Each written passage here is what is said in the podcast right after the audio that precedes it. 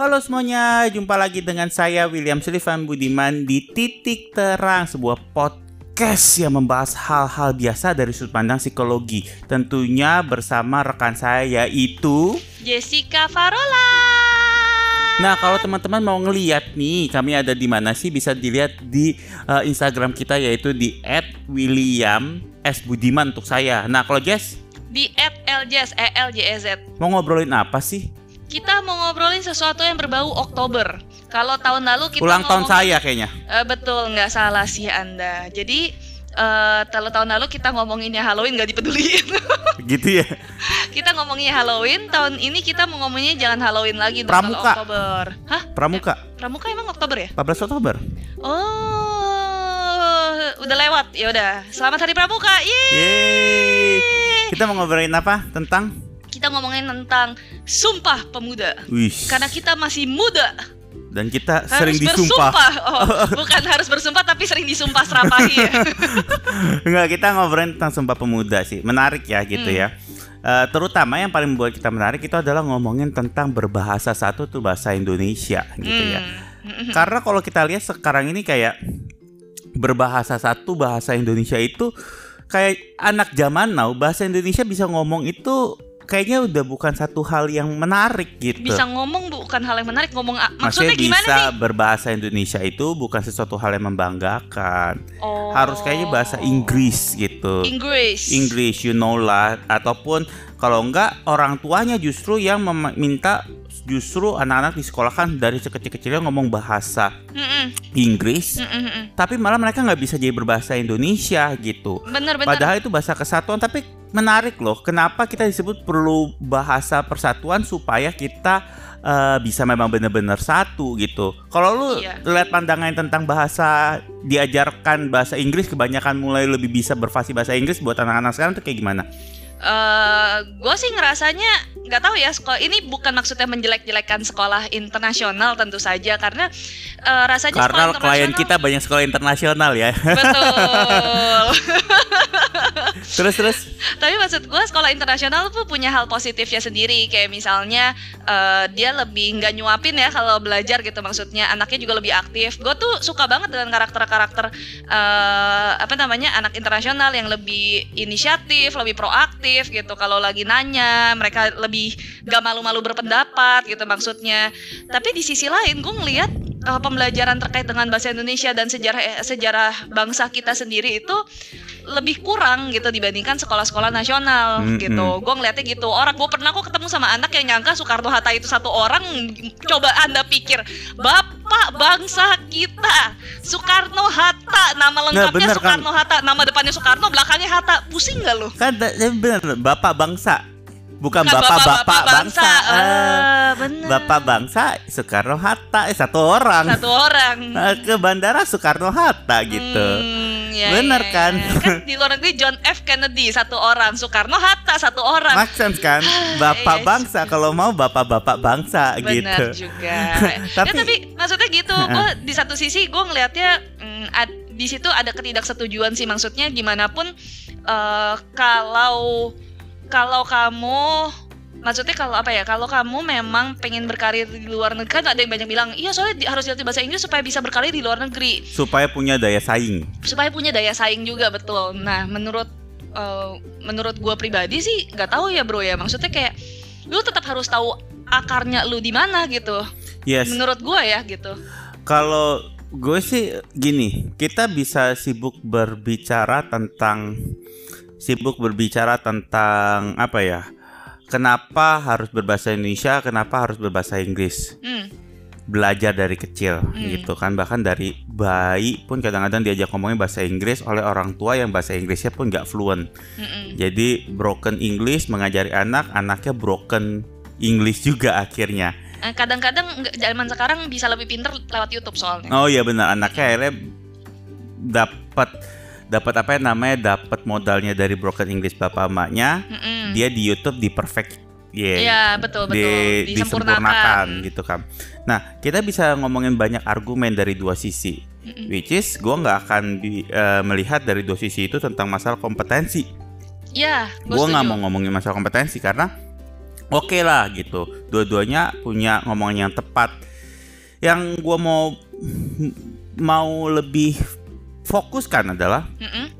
apa sih peran bahasa itu sendiri Ah menarik tuh buat kalau menurut tuh. gue apa itu peran bahasa itu sendiri dan Mm-mm. bagaimana bahasa itu secara psikologis mampu membuat kita eh, mampu membawa kita berfungsi untuk kita apa dalam sosialnya kita gitu secara psikologis. Ah. Menurut gue itu perlu penting yang perlu diperhatikan justru di situ yang bisa Hmm. menjadikan bahan pertimbangan juga buat Iya, iya. Buat siapa? Buat para orang tua selain ya gue persiapkan nih anak nih untuk bisa berbahasa Inggris karena di luar sana bahasa Inggris mulai dipakai. Nah, yang menarik adalah gini, kalau ngomongin berbahasa, gue sendiri sebetulnya setujunya adalah lu belajar bahasa Indonesia sampai satu titik, lu belajar bahasa kedua. Jadi Hmm. bahasa satu lu, first language lu ada, baru setelah itu belajar bahasa kedua. Nah menariknya ke- kenapa lu mikir kayak gitu? Karena kalau dia dari kecil dia nggak punya first language yang kuat, Mm-mm. eh gimana ya? Kalau dia nggak, karena gini, bagi gua bahasa Mm-mm. ketika di awal itu mempengaruhi bagaimana dia mengekspresikan dirinya penuh. Mm-mm. Buat gue itu satu Mm-mm. kemampuan untuk berbahasa memberikan eh, strak- struktur di kepala untuk berpikir. Mm, Itu mm-mm. satu. Oke. Bahasa Indonesia dengan strukturnya Mm-mm. memberikan satu pola eh, mindset dan eh, adaptability Mm-mm. terhadap culture yang mungkin gak dipunya oleh bahasa lain. Betul. Salah satunya grammar. Kita nggak kenal ada yang namanya eh, past, present, sama future. Iya. Nah, sedangkan kalau di tempat lain past, present, future itu clearly sudah masuk ke dalam bahasanya gitu. Mm-mm-mm.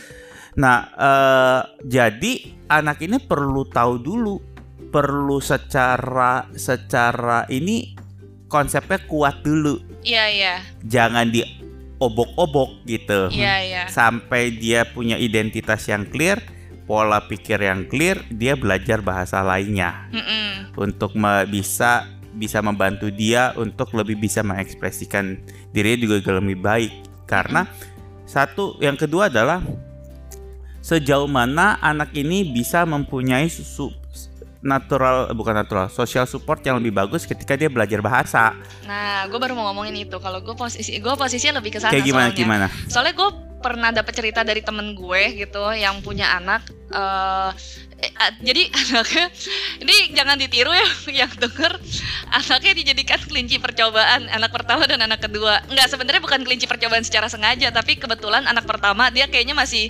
eh, maksudnya tapi mikir bukannya semua anak itu kelinci percobaan nih Iya betul sih nggak salah bener juga maksud gua anak pertamanya dia tuh memang masih polanya adalah ngomong bahasa Inggris gitu dari awal gitu. Nah kemudian pas anak kedua dia kayak belajar kayak kayaknya mendingan yang tadi kayak lu bilang deh bro gitu. Maksudnya di Indonesia bahasa Indonesia dulu aja deh lebih banyak gitu. Terus menariknya adalah eh, kebetulan nih ke keluarga dia dia dengan suaminya ya sosialnya eh, sosial ekonominya cukup bagus ya. Jadi dia punya pembantu rumah tangga. Nah menariknya adalah jadinya waktu dengan dia membandingkan anak pertamanya ketika di umur seumur anak keduanya dulu gitu. Mm-mm.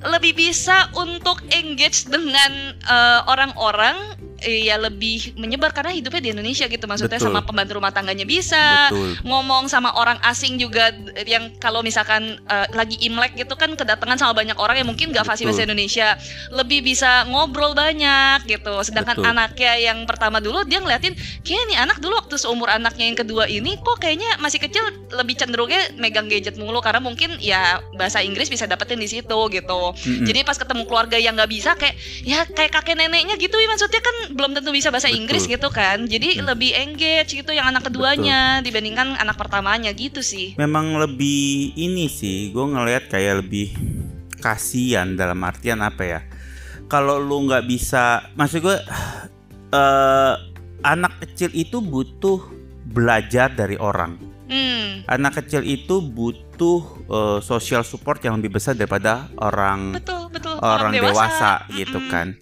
dan dia butuh penerimaan perasaan aman tuh dari banyak orang yes betul berasa aman di lingkungannya. Mm-mm. Kalau dia belajar bahasa Inggris, Mm-mm. satu, dia hidup dalam lingkungan di Indonesia di mana orang tuanya mungkin bisa menyediakan itu keluarga bisa tapi mbaknya nggak bisa sepenuhnya bisa belum tentu ya. Belum tentu. Mm-mm. ada sih eh, pengasuh-pengasuh yang mulai diajarin Inggris tapi Iya. Inggrisnya juga Inggris Inggris Inggris Inggris campur logat Jawa cuma satu kata satu kata gitu yang akhirnya ngobrolnya juga mabok gitu iya bingung. iya. Yang kedua adalah keluarga gedenya mungkin belum tentu bisa. Mm-mm. jadi bahkan ketika Imlek ketika acara ya mungkin karena kita Tionghoa Imlek. Iya, tapi iya, mungkin kalau yang di eh, yang lain tuh Lebaran atau apa betul. bertemu sama keluarga gede bisa nggak berasa nyambung gitu iya nanti kita ngobrolin tentang masalah nyambung nggak oke, nyambung oke. ya Mm-mm. tapi itu dia nggak bisa mendapatkan bahwa gue berasa belong to this family Hmm, itu betul Eh, gue nggak ngerti gue nggak bisa sosialisasi kok gimana cara ngeba gimana gimana caranya kita nggak usah kita ngomongin tentang membangun eh, nuansa kebangsaan Hmm. untuk Indonesia yang lebih maju lalu sama keluarga sendiri aja nggak kebangun nuansa kekeluargaan terus gimana mau yang lebih gede daripada keluarga Iya, gitu, gitu ya kan. Hmm, anaknya aja bingung kayak gak rasa ini stranger pada itu keluarga gitu betul. yes hal yang paling simple hanya untuk menyapa dan ngobrol-ngobrol basa-basi aja nggak bisa gitu Mm-mm. Gak usah ke keluarga gede, ke orang ke kakek neneknya aja kadang-kadang nggak bisa gitu betul kan. betul betul betul Kayak saudara gua gitu. Hmm. Ada anaknya dikasih nama namanya keren banget gitu. Nama nama nama Na- namanya dia Namanya Oh. namanya bul- bule banget, Oh, Claire. oke. Claire Claire. oke Jadi gue lapar ya Mbak kakek nenek nggak bisa manggil. eh bener bener Jadi dia Claire, Claire itu apa? Claire. Claire, eh Claire jelek bener. Untung nggak jorok. kan Claire. Tapi maksudnya dari panggilan salah aja lo kan akan mempunyai lo kok dipanggil nama salah aja itu kan bete ya. Eh, Tapi eh, anak kan juga Bentar, gitu. intermezzo gue juga di keluarga gue ada gitu nama ah, nama sepupu gue namanya Gregory gitu kebetulan neneknya bukan nenek gue jadi nenek dari pihak jadi bapaknya Iya, iya, dia paham. eh, pokoknya masih keluarganya satu Betul, lagi gitu betul. ya gak bisa ngomong Gregory dipanggilnya Alek sampai sekarang udah kuliah di luar negeri panggilnya Alek Alek iya kan. Tapi maksud gue itu salah satunya. Itu Iya, cuma iya. nama lo. Heeh. Gimana lu ngobrolnya? Kalau cuma nama sih oke lah. Selama lu ngobrol nyambung tetap nyambung. Iya, betul. tetap ada chemistry. Nah, kalau lu lebih dari nama yang lu nggak bisa lakukan chemistry jadi bangun. Nggak usah ngomongin bahasa persatuan, nggak usah ngomongin persatuan Indonesia. Nggak usah lah terlalu jauh, keluarga aja nggak bersatu, kurang lebih itu. Mm-mm. Yang terakhir adalah eh, gimana ini anak juga bisa survive di luar. Iya betul. Karena ya mungkin dia cuma bisa di sekolah doang dengan dia dan teman-temannya. Sehingga akhirnya ya dia hanya live in a bubble gitu. Iya. Lu mau pesan keluar mau beli ke mbak-mbak Indomaret kan juga nggak bisa ngomong bahasa Inggris gitu. Hmm. iya kalau ngomong ya Indonesia payah soalnya kita harus kayak lihat dong kayak di Singapura lihat dong kayak di Malaysia ya masalahnya lu hidup di Indonesia gitu Iya iya iya ya lo harus terima juga gitu kondisi Betul. kita ya memang nggak kayak gitu gitu Mm, mm, mm. Dan- tapi bukan artinya dengan menerima kondisi kita kayak gitu bukan artinya kita harus nggak harus berpasrah enggak Betul. tapi bukan caranya adalah membuat eh, lu menjadi tidak tidak apa namanya tidak tidak bisa beradaptasi dengan eh, tempat kita gimana? Iya karena itu sih menurut gue. Jadi gue merasa anak itu harus tetap punya bahasa yang sama. Mm-mm. bar untuk mempengaruhi segalanya. Karena Mm-mm. kayak gue suka banget satu film namanya Arrival gitu. Rifle yang alien itu. Yes yang bentuknya Iya. kayak kontak lens dia punya pesawatnya gitu kan Oh iya kontak lens kok gue mau bilang bola rugby sih salah banget. kontak lens Heeh. itu menarik banget dan di situ di film itu kan dia punya premis sebuah se- sebuah pengandaian premisnya adalah Hmm. ketika kita belajar satu bahasa maka pola pikir kita berubah Oh iya betul. ya Iya kan iya iya. ya jadi itu menurut gue juga penting banget lo bisa belajar contoh paling gampang kita ka- bukan kita sih gue kan marah-marah soal film Mulan ya yang kalau teman-teman mau lihat gimana gue marah-marah soal Mulan itu silakan ke Instagram gue gitu Iya, ya di @william dia. Gitu ya Heeh. di situ kan salah satu yang gue bilang mulai menjadi bingung kebingungan untuk ngomong kebingungan Hmm. untuk bercerita karena dalam budaya Cina Mulan itu berbicara tentang bakti Betul. Sedangkan ketika diterjemahkan ke dalam budaya eh, Western di mana film Disney ini bakti itu nggak ada bahkan Panjang banget gak sih waktu itu tuh? devotion for family gitu Iya bener-bener. bukan filial filial pun mungkin nggak semua orang Gak semua orang tahu tahu Yes. filial. Jadi konsep berbakti itu menjadi sebuah abstrak thinking buat orang-orang bule, Iya betul. ya kan buat orang Western. Mm-mm. Tapi itu sebuah konsep yang sangat dalam meaningnya buat orang-orang di Timur. Walaupun sekarang konsep Western mulai masuk ke Indonesia sehingga mulai kecampur-campur nih. Makanya banyak mulai banyak orang ngomongin tentang toxic parent toxic parent. Bahkan untuk satu hal yang basically ya enggak kayak gitu tapi dijadi lebay gara-gara parents itu bukan something yang harus kita own eh, bukan kita harus berbakti sama mereka gitu. Gue gue dilahirkan itu bukan permintaan gue jadi gue juga nggak punya kewajiban untuk berbakti sama lo itu kan jadi kayak konsep Hmm. yang akhirnya mulai ke bawah nih bukan Mm-mm, kembali gue menolak bahwa memang ada orang tua yang toksik gitu bukan Iya iya gue paham. tetapi ya ketika dua budaya ini dicampurkan tabrak-tabrakan bahasa menye- eh, menunjukkan itu juga gitu kan mm-mm. Betul. Nah, jadi ketika kayak lu eh, bisa pakai satu bahasa tertentu, lu belajar, Mm-mm. Lu akan bisa beradaptasi dan berasa bilong ke tempat itu. Kenapa? Karena kalau kita belajar di psikologi kan kita belajar satu hal tuh ya, Jess. Apa ya? Eh, Ketahuan ini bukan lulus tapi lolos.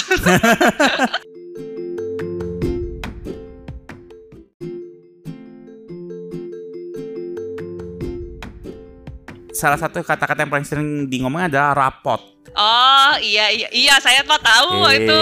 building rapport yaitu adalah apa? Sebelum kita melakukan segala sesuatu kita harus punya building rapport, membangun kedekatan, membangun kenyamanan, membangun sebuah Nuansa klik. Nah kuasa itu. klik chemistry Iya. sehingga ketika chemistry terbangun Mm-mm. kita ngomongin komunikasi komunikasi lu bisa persuasif Iya. kita ngomongin pertanyaan pertanyaan lu bisa tajam dan dia tidak akan bermasalah untuk menjawab itu Iya betul. kita ngomongin tentang relasi relasi lu menjadi kuat selama raport itu terbangun Iya. ada chemistry-nya ada kliknya nah kalau kita ngomongin klik dan chemistry salah satu faktor yang paling penting dalam membangun chemistry adalah kesamaan Mm, betul betul. kesamaan gitu. Gue berasa banget dulu gue pernah kuliah di Cina setahun kan dapat Mm-mm. beasiswa. Mm-mm. Gue nggak berasa untuk bisa ikut upacara bendera itu sesuatu hal yang sesuatu hal yang mengharukan gitu. Iya iya. Tapi pas di sana ketika gue berkumpul dengan teman-teman yang orang Indonesia dan ada upacara bendera itu sesuatu hal yang sangat mengharukan. Mm-mm, mm-mm, mm-mm. Karena apa? Gue merasa gue punya rumah gitu Ah. di negara orang gue merasa this is my friend nih semua this is Iya iya. kompatriot gitu Yang kalau gua nggak gua nggak perlu macam-macam, gue tinggal ngomong bahasa gue sendiri. I feel like home gitu betul ya. dan itu menariknya gue jalan-jalan pun Mm-mm. waktu itu tiba-tiba ke satu kita kan sewa bentuknya kayak apartemen cuman sewa kamarnya doang Iya. nah di situ jadi ada apartemen gede yang karena gue jalan-jalan sama teman-teman eh, backpacking gitu Mm-mm. pas masuk apartemen itu tiba-tiba dia yang nyewa room sebelah ngomong bahasa Indonesia Hmm. ngobrol sampai malam nggak pernah kenal sama sekali Hmm. Ngobrol bahasa Indonesia la- ngomong bahasa Indonesia langsung ngobrol eh orang Indonesia juga orang mana kayak langsung deket klik di, Iya. di saat kalau di Indonesia biasa-biasa aja Betul. kenapa betul. kayak gitu karena ketika di Indonesia mungkin berbicara bahasa Indonesia itu terlalu umum sehingga Mm-mm. bukan menjadi basis kedekatan Iya betul. tapi ketika di luar negeri di mana itu sangat jarang sama-sama berbahasa Indonesia itu menunjukkan kesamaan yang luar biasa Hmm. hmm, hmm, hmm, hmm. Jadi ketika klik, ketika ada satu yang klik bahasa doang Iya basically. iya iya betul. Lu langsung akan ada perasaan yang sangat deket. Betul betul. Kita satu nih gitu. Mm-mm. Kita se- se- orang yang sama. Kalau Mm-mm. bahasa Palembang wong kita galo gitu. orang kita juga gitu. Iya iya. Eh tapi itu menarik deh. Maksudnya eh, buat teman-teman yang dengerin titik terang gitu, boleh nih dikomprek-komprek gitu ya, di obok-obok episode-episode yang lalu yang tentang eh, kalau nggak salah episode kemerdekaan tahun kapan gitu yang ngomong patriotis. Nah, ya ya. Maksudnya gue jadi kepikiran bahwa eh, yang dari cerita lu tadi gitu ya, gue nangkepnya bahwa just in case someday gitu ya kan dibilang Jakarta makin lama makin turun gitu kan lalu bisa tenggelam suatu saat.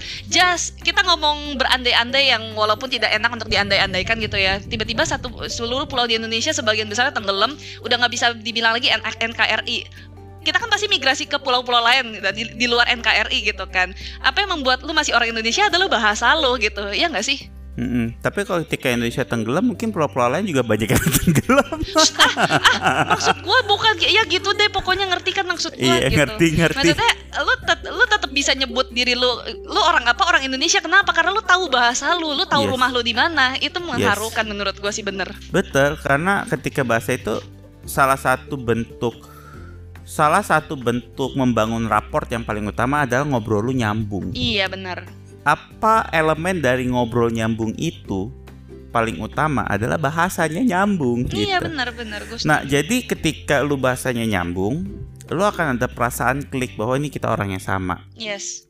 Ketika bahasa kita nggak nyambung, kita nggak bisa berkomunikasi, kesamaan itu nggak akan terbangun sama sekali. Mm-mm. Bahkan orang yang nyambung pun bahasanya mm sama pun kadang-kadang bisa berantem kan. Apalagi yeah. bahasanya beda, akan berasa langsung ada lu tuh lu, gue tuh gue. Mm-mm. Langsung terpisah tuh gitu. Iya yeah, iya yeah, betul. Jadi berbahasa satu bahasa Indonesia menurut gue salah satu sumpah pemuda yang paling penting karena bener gue setuju tiga, dua yang depannya nggak bisa terbentuk kalau bahasanya nggak satu eh setuju gue ya kan menurut gue itu yes. dan sekarang banyak anak yang mulai nggak bisa berbahasa Indonesia dengan baik dan benar bahkan hanya untuk ke Indomaret karena nggak pernah diajarin. iya miris. Jadi ya. kayak lu gimana caranya bisa punya bagaimana mereka bisa punya rasa nasionalisme mm -mm. ketika mereka aja merasa asing di negaranya sendiri. Nah itu. Asing di kotanya sendiri. Yes. Gimana mereka bisa merasa uh, punya nasionalisme ketika mm -mm. mereka pas masuk ke dalam untuk berbicara dengan warga negaranya sendiri, mm -mm. mereka nggak bisa. Iya, benar-benar benar. Betul. Gitu loh. Betul. Maksud gue itu satu hal yang menurut gue, ya lo harus punya identitasnya dulu lo orang apa dari bahasanya gitu. Mm -mm. I, karena bahasa menyediakan platform untuk membangun sebuah kedekatan, sebuah persamaan, rasa sama, mm -mm. dan satu platform untuk bisa membangun chemistry dengan orang lain. Iya tanpa itu akan kesulitan sekali gitu. Dan ketika itu nggak ada, maka lo akan sulit banget untuk bisa membangun bahwa gue tuh orang Indonesia. Tapi tapi gue nggak bisa berbahasa Indonesia kan lucu gitu. Iya betul, betul. Jadi itu yang menurut gue penting banget nih karena dengan adanya bahasa yang sama kita bisa berbicara dengan orang-orang, kita bisa menimbulkan perasaan bahwa kita satu Mm-mm, gitu. Betul. Bukan artinya juga semoga yang dengar ini bisa clear juga ya. Kita nggak lagi ngomongin kasus ekstrim artinya di Indonesia lo nggak boleh punya bahasa daerah, bukan ya, itu ya, bukan gitu. Itu, lo saja. orang Tionghoa silakan ngomong uh, bahasa Mandarin, bahasa daerah, bahasa Aceh, bahasa Hokkien di mana pun dengan keluarga, dengan teman lu di di restoran, di ya. di bus silakan lo orang Padang silakan berbicara bahasa Padang, lo orang Manado silakan berbicara ya. bahasa Manado, di mana pun yang lu suka nggak masalah tetapi lu sadar lu bisa bisa berbicara berbicara bahasa Indonesia dengan siapa pun juga betul betul karena itu adalah penanda bahwa kita satu gitu loh iya betul warna lu boleh beda tapi kita punya satu tulang yang sama tulang itu dalam hal ini bahasanya sama. Iya, betul. Nah, permasalahannya adalah kalau zaman sekarang nih anak-anak ini tidak diajarin untuk bisa bahasa Indonesia dulu, malah mereka kebingungan. Mm -mm. Dari kecil aja, kan kecil ini penting ya punya perasaan bahwa lu bisa punya perasaan bahwa ini rumah gue karena masa kecil lu. Iya. Ya enggak? Betul. Lu bisa punya perasaan bahwa di sini tempat tinggal gue, di sini gue bisa nyaman dan kan karena bahasa lu. Iya, betul sekali. Ke, uh, dan lu bisa merasa oh ini makanan masa kecil gue nih gitu. Iya. Ini gue nyaman dengan makanan kayak gini ya karena masa kecil lu gitu. Nah sekarang mereka masa kecil dan masa remaja kalau mereka nggak bisa ngomong bahasa Indonesia ya terbata-bata, gimana mereka bisa mengidentifikasi bahwa gue tuh adalah orang Indonesia. Jadi jangan bingung dan jangan mulai protes kalau mulai itu. Mungkin ada orang tua di sini nggak apa-apa memang anak gue mau gue kirim keluar gitu. Iya. Nah kalau itu ya pilihan kalian ya, pilihan, iya. gitu ya. Bedanya sih situ menurut gue iya, gitu. Betul, betul, Walau betul. ya mungkin kembali setiap orang ya punya pilihan masing-masing punya pilihan ya. masing-masing, punya opini masing-masing. Gue nggak hmm. bisa menyalahkan juga sih. Iya. Tapi kalau lu pengen anak lu di sini pengen anak lu bisa ber uh, bisa mempunyai hubungan yang baik di sini bilong merasa bilong latihlah bahasa Indonesia dulu sehingga Iya, lu betul. di keluarga lu nyambung Iya, betul. habis di keluarga lu nyambung di masyarakat lu nyambung Mm-mm. Betul. habis di masyarakat nyambung di di eh, secara bangsa dia merasa punya identitas gitu Mm-mm, mm-mm. ya baru itu setelah itu ya kita bisa perlahan-lahan membangun maksud gue ya eh, Indonesia sih kita punya banyak PR ya selain Iya. cuma hanya sekedar bahasa gitu Tapi yang paling gampang yang bisa dilakukan pertama-tama ya sebenarnya bahasa it's a basic thing gitu sih. Hal Iya. paling mendasar. jadi pertahankan di situ gitu iya, loh iya, betul. baru PR yang lain bisa pelan-pelan diselesaikan kalau kita punya banyak PR tapi untuk hanya berbahasa aja lo nggak bisa kan susah juga. Iya, bener. dan basic itu harus dimulai dari kecil gitu. Jadi gue sangat mengencourage lu untuk ngajarin pertama kali adalah memberikan bahasa Indonesia as a bahasa ibu supaya ngobrolnya nyambung sama keluarga punya perasaan bilong bilongnya bukan cuma di rumah tapi juga bilong di masyarakat. Bilong gitu. Mm-mm. Kalau lu nggak merasa bilong gimana pas gede lu mau do something balik ya karena ini kan bukan tempat gue gue cuma Betul, betul, betul. nggak nggak cool nih di sini gitu Iya, kan bener. itu sih menurut gue Sama gue kalau dari gue ya sempa- eh, yang gue sempat kepikiran gitu yang ngeliatin sepupu gue yang paling kecil kan jaraknya paling jauh gitu kan sama nenek gue gitu almarhumah nenek gue bukan muslim kenapa gue nyebut almarhumah Ya, nggak apa-apa Nggak lah. apa-apa lah ya Eh, apa namanya nenek gue kesulitan banget nih ngobrol kan karena si kecil yang paling kecil ini memang fasihnya bahasa Inggris gitu. Gue ngeliatnya sebenarnya wah sayang banget ya ketika kakak-kakaknya sama gue kan kebetulan dari kecil udah main bareng gitu kan. Ini anak tuh paling belakang lah paling bontot gitu lahirnya paling jauh belakangan Hmm, gitu. hmm. Di saat gua sama kakak-kakaknya si paling kecil ini bisa ngobrolnya banyak iya was masih kecil kita main ini ingat oh, jangan si oma dulu gini gini gini. Dia nggak punya cerita itu maksudnya karena nggak ada komunikasinya juga gitu maksudnya. Yang gua terjemahkan kalau gue pikir-pikir ya maksudnya. Agak sayang ya ketika budaya-budaya yang kaya itu tidak bisa terteruskan karena ya kendala bahasa gitu maksudnya. Jadi gue pernah baca juga eh, kapan sebuah budaya itu hilang ketika bahasanya punah. Kan udah ada beberapa bahasa yang memang punah yang zaman zaman Mm-mm. dulu kan. Budayanya terhenti gitu. Nah in- in- semoga tidak terjadi sama Indonesia gitu maksudnya.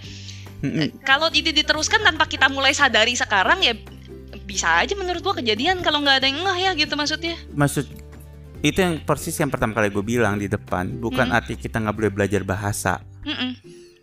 perlu karena lu harus bisa belajar beberapa bahasa untuk bisa mulai ikut compete lah. Iya betul. Daya Kayak saingnya ada secara global. betul ibaratnya gue gue ng- mungkin jarang sih untuk ngomong dengan orang lain dari luar karena memang semua kliennya kita kan memang ya. dalam negeri kan. Ada Betul. sih beberapa sekolah internasional. Tapi paling tidak eh gue per gue perlu bisa bahasa Inggris karena gue semua literatur yang gue baca bahasa Inggris. Iya betul. Betul jadi gue butuh itu. Betul. Mm-mm-mm. jadi lu butuh belajar bahasa luar juga yes gitu. betul nah yang penting tapi gue belajar bahasa luar itu setelah gue cukup terbentuk identitasnya dan gue cukup terbentuk karena gue sudah bisa eh, baik dalam bah- berbahasa Indonesia. Iya. Sehingga apa yang itu dibilang ketika lu belajar satu bahasa lu belajar culture-nya. Hmm. lu belajar ngertinya eh, ngerti Iya. kenapa kata-kata itu. Lu belajar peribahasanya. Iya. lu belajar rasanya taste-nya gitu. Mm-mm, mm-mm, lu lu belajar banyak lu belajar identitasnya lu belajar rasa bilongnya gitu. Nah itu yang kalau enggak dilakukan pertama bisa menyebabkan itu. Tapi yang menarik juga adalah eh itu satu lah. Kita nggak akan ngomong yang lain. Karena kalau anak dijajarin bahasa lain diajarin dua bahasa boleh nggak? Boleh juga sih gitu. Mm-mm. Boleh juga tapi anak ini akan bingung untuk identitasnya di awal-awal akan lebih susah ngomongnya iya. akan lebih susah mulai eh, speech delay bisa terjadi ketika masa Mm-mm. kecil Betul. dan juga dia akan kehilangan identitas gua tuh siapa ya sebetulnya nah ya di antara semua orang gue tuh siapa tapi memang itu eh, bisa terjadi dan bisa pilihan dan ya it's okay itu itu kita bahas another thing for another day lah. Tapi paling nggak di sini kita bahasnya itu. Betul. Kenapa lu perlu berbahasa satu bahasa Indonesia? Karena bahasa itu menyatukan memang. Iya, betul. Kalau nggak punya itu kita nggak bisa menyatukan. Ish. So kita ngobrol sampai di sini aja ya, gitu. Iya, Menarik betul. banget ya. Episode yang simple gitu ya. Hanya kita Sederhana ngomong tapi untuk mengingatkan Iya. pada kiri kita doang ya ini. dan kita mengingatkan bahwa bahasa itu se memang kayak gitu pentingnya gitu. Yes. Maka kembali ya teman-teman bukan artinya lu nggak boleh berbahasa daerah perlu karena lu harus punya rasa bahwa lu orang daerah situ. Iya, betul. Lu nggak bukannya lu nggak boleh belajar bahasa dan menggunakan itu boleh silakan. Tetapi lu bisa berkomunikasi dengan bahasa satu bahasa Indonesia yang dengan baik. Oleh karena itu gue sangat encourage buat orang tua orang tua apalagi orang tua muda ajarin aja bahasa pertama bahasa Indonesia, bahasa Inggris, bahasa Mandarin, bahasa Prancis, bahasa Jepang bisa kok setelah bahasa Indonesia.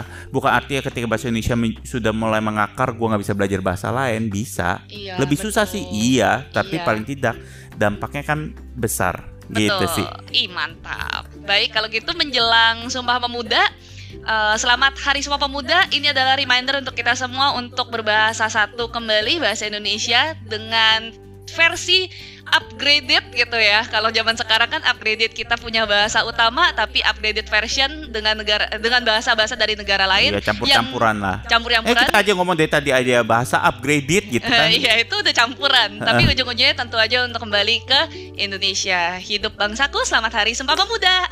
Dadah. Dadah.